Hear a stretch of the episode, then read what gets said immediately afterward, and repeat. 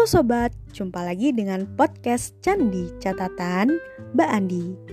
Di podcast kali ini, aku mau bahas tentang hal yang paling sulit saat menjadi komunikator ataupun ketika aku menekuni dunia komunikasi. Dan sebagai disclaimer di awal, podcast ini dibuat sama sekali tidak bertujuan untuk menakut-nakuti ataupun menghalangi teman-teman yang ingin menjadi pembicara hebat ataupun komunikator hebat. Gak ya, sama sekali tidak. Justru dari podcast ini, aku ingin menunjukkan ke kalian semua bahwasanya komunikator itu pasti menemui kesulitan-kesulitan ini loh, sehingga ke depan kalian gak kaget, kalian juga gak terkejut. Sekaligus menunjukkan ke kalian semua bahwasanya kesulitan yang kita hadapi pasti bisa kita atasi. Itu ya. Dan gak usah lama-lama, yaudah langsung kita bahas aja kira-kira apa ya kesulitan-kesulitan yang dihadapi oleh komunikator dan apa ya hal yang paling sulit saat menjadi komunikator. Jadi, ada beberapa macam kesulitan-kesulitan yang dialami oleh komunikator. Yang pertama, dari membangun rasa percaya diri ya. Ya, ada beberapa komunikator yang masih belajar-belajar itu kesulitan di sini. Ada juga yang kesulitan dalam menganalisa unsur-unsur komunikasi. Bagaimana caranya mereka itu meracik unsur-unsur tersebut agar bisa mencapai tujuan itu. Ada juga menentukan diksi, terus paralinguistik, nada, tempo, jeda, dan semacamnya. Terus menarik perhatian audiens. Dan ada juga kesulitan menyelaraskan antara ucapan dan juga perbuatan. Ya, inilah beberapa kesulitan yang lumrah ditemui oleh para komunikator. Dan sejauh pengalaman yang aku rasakan, Kesulitan terbesar atau hal yang paling sulit dilakukan oleh komunikator itu adalah yang terakhir, yakni menyelaraskan antara ucapan dan juga perbuatan. Ya, itulah yang paling sulit. Mengapa? Ya, disadari atau tidak, pekerjaan komunikator itu kan memotivasi, menginspirasi, membangun semangat, ya kan? Mempersuasi. Nah, terkadang itu bukanlah sesuatu hal yang mudah, tapi ya hal yang juga sulit untuk dilakukan oleh komunikator sendiri. Contohnya aja nih ya, kalau teman-teman mengamati, di luar sana kan sebenarnya banyak sekali motivator-motivator hebat, komunikator-komunikator hebat, ya kan? Mereka bilang jangan begini, jangan begitu, kita nggak boleh begini, kita nggak boleh begitu, kita harus begini loh. Nah, dan ternyata suatu ketika dia gak selaras antara ucapannya dan juga perbuatannya. Hmm, gimana ya itu ya? nah, melihat fenomena ini tuh aku sendiri ya sempet khawatir, sempet takut juga ke depan aku bakal jadi komunikator kayak gitu nggak ya yang pandai sekali berkata-kata tapi sulit dalam menerapkan apa yang dikatakan. Jadi ini ketakutan terbesarku ketika aku menekuni dunia komunikasi. Dan pada akhirnya ketakutanku itu pun terjadi. Aku pernah mengalami di mana aku gak selaras antara ucapan dan juga perbuatanku. Ya, faktanya gitu. Ini jujur loh ya. Hmm, jadi ceritanya begini aku kan pernah ya menjadi seorang trainer pembinaan moral. Di situ aku pernah menyampaikan materi kepada adik-adik remaja bahwasanya ketika kita menghadapi masalah, ya udah jangan lari. Justru kita itu harus menghadapinya, terus kita juga harus punya pola pikir yang baik, ya merubah pola pikir bahwasanya masalah itu akan membuat diri kita lebih baik, ya kan? Terus uh, kita harus tetap rasional walaupun masalah itu datang bertubi-tubi kayak gitu. Keren kan materinya? Nah, pada suatu ketika aku sendiri mengalami masalah. Dan aku pun gak bisa 100% persis seperti apa yang aku katakan, yang aku isikan dalam materi itu. Benar-benar gak bisa. Aku bilang kita harus siap menghadapi, ya nyatanya aku sendiri gak siap. Nyatanya justru aku malah kenapa sih kok ini tuh terjadi sama aku? Kenapa sih kok gak kayak gini, gak kayak gitu?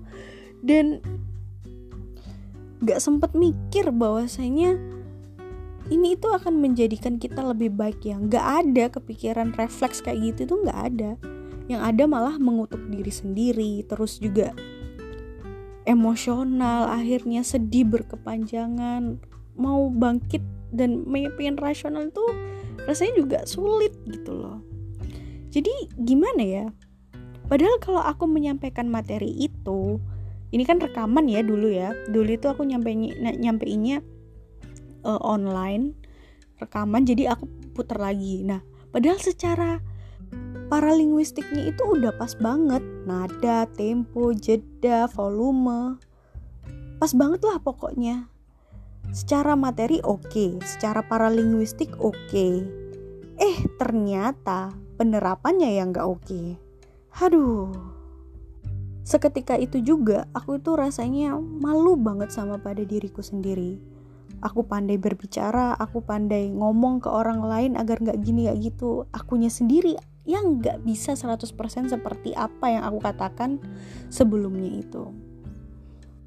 Tertampar, pasti, malu, iyalah. Makanya minggu lalu tuh aku nggak bikin podcast, bukan karena aku kehabisan topik ya.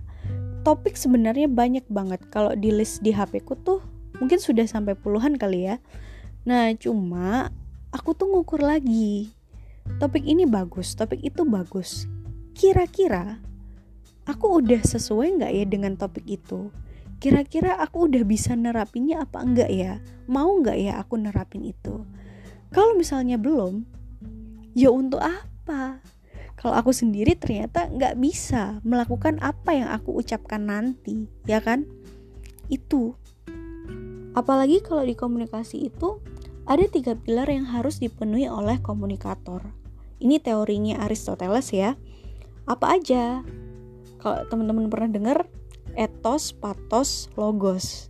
Nah, ini yang harus dipenuhi oleh komunikator.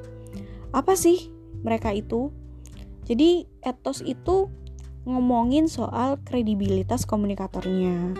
Kredibilitas ini bisa dibangun dari bidang yang ditekuninya, pengalaman yang pernah dia lakukan, ataupun ya keselarasan antara apa yang ia ucapkan dengan perbuatannya. Contoh simpelnya itu seperti ini. Orang itu akan lebih terpersuasi ketika pembicaranya itu sesuai sesuai dengan bidangnya. Misalkan materi kesehatan akan lebih mudah di, diterima jikalau pembicaranya itu berasal dari bidang kesehatan juga. Terus uh, dia sendiri komunikatornya sendiri menerapkan itu. Aneh jikalau seorang komunikator itu bilang jangan pakai narkoba, tapi ternyata dianya sendiri itu terkenal sebagai pecandu narkoba. Ya pastinya nggak akan diterima lah sama audiensnya, ya kan? Terus kalau logos itu ngomongin bagaimana membangun argumentasi. Argumentasinya itu dapat dipertanggungjawabkan apa enggak. Kalau bisa ya akan lebih diterima oleh audiens. Terus kalau patos itu ngomongin bagaimana seorang komunikator itu bisa membangkitkan emosi atau menyentuh afeksi dari uh, audiensnya sehingga mereka itu tergerak untuk melakukan sesuatu yang dipersuasi olehnya kayak gitu. Jadi ketiga hal ini itu harus ada etos, patos, logos supaya komunikasi yang kita lakukan itu bisa mencapai target atau bisa mempersuasi audiens. Itu ya.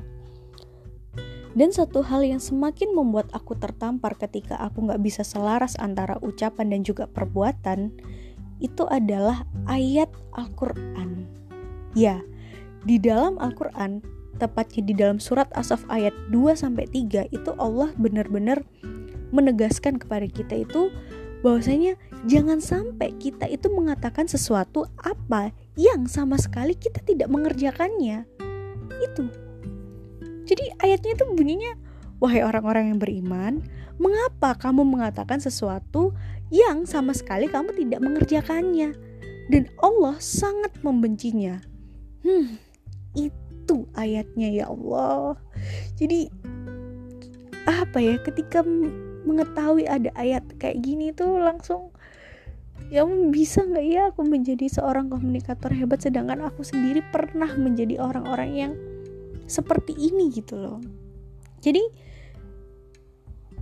di dalam Islam pun itu Allah sudah memperingatkan kita agar kita itu jangan sampai menjadi orang yang jago ngomong doang tapi nggak bisa dalam melakukan apa yang diomongin. Itu. Jadi kalau dari dua dua hal ini ya dari teori komunikasi, ilmu komunikasinya Aristoteles dan juga surat Asaf ayat 2 sampai 3 ini itu semakin menegaskan kepada setiap orang, kepada setiap komunikator, motivator, inspirator ataupun pembicara hebat, jangan sampai kita itu menjadi orang yang jago ngomong doang tapi nggak bisa nerapin apa yang diomongkan. itu Sulit ya? ya, itulah tanggung jawab seorang komunikator. Harus bisa menyelaraskan antara yang diucapkan dan juga apa yang akan dilakukan. Terus gimana mbak kalau misalkan kita itu benar-benar kesulitan untuk melakukannya? Masa ya kita nggak komunikasi? Masa ya kita nggak menyampaikan?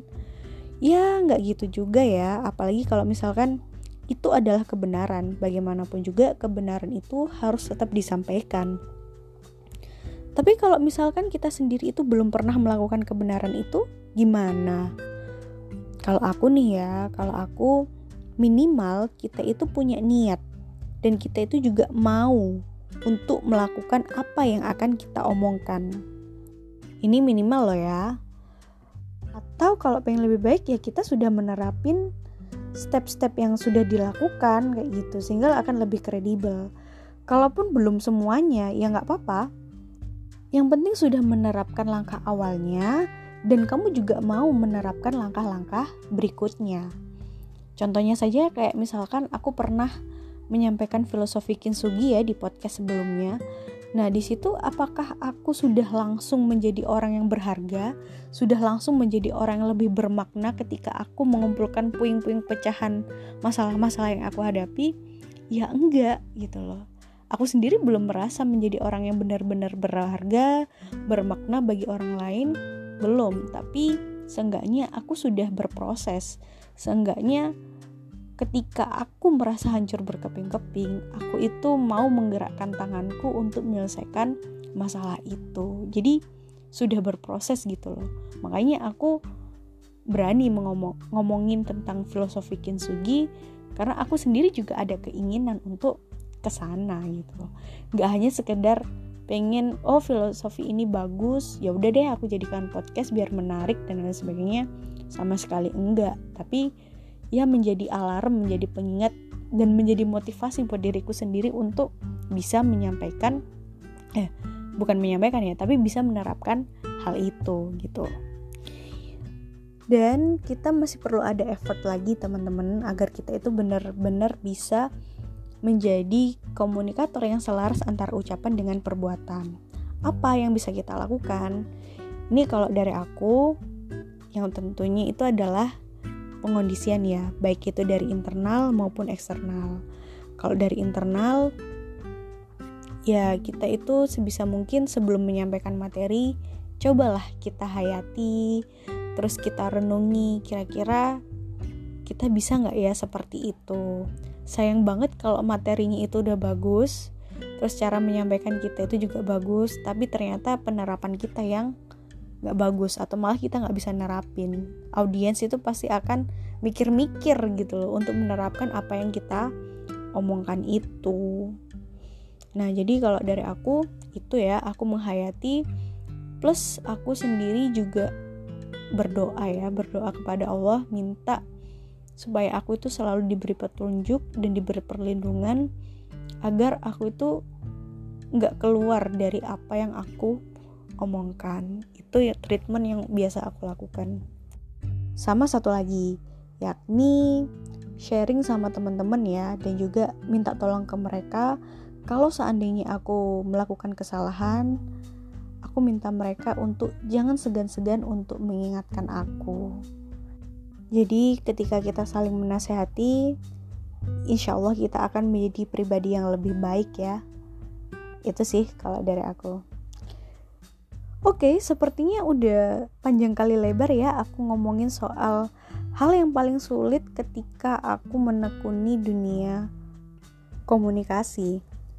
Nah, dari sini aku cuma pengen berpesan kepada teman-teman ke depan bagi siapa pun yang melakukan aktivitas komunikasi, ingatlah komunikator hebat itu bukan hanya pandai berkata-kata, pandai bermain, nada, tempo, volume dan lain sebagainya, enggak, tapi ia juga pandai dalam menerapkan apa yang sudah dikatakannya. Itu ya, oke? Itu aja, semoga bermanfaat. Terima kasih. Sampai jumpa di episode berikutnya.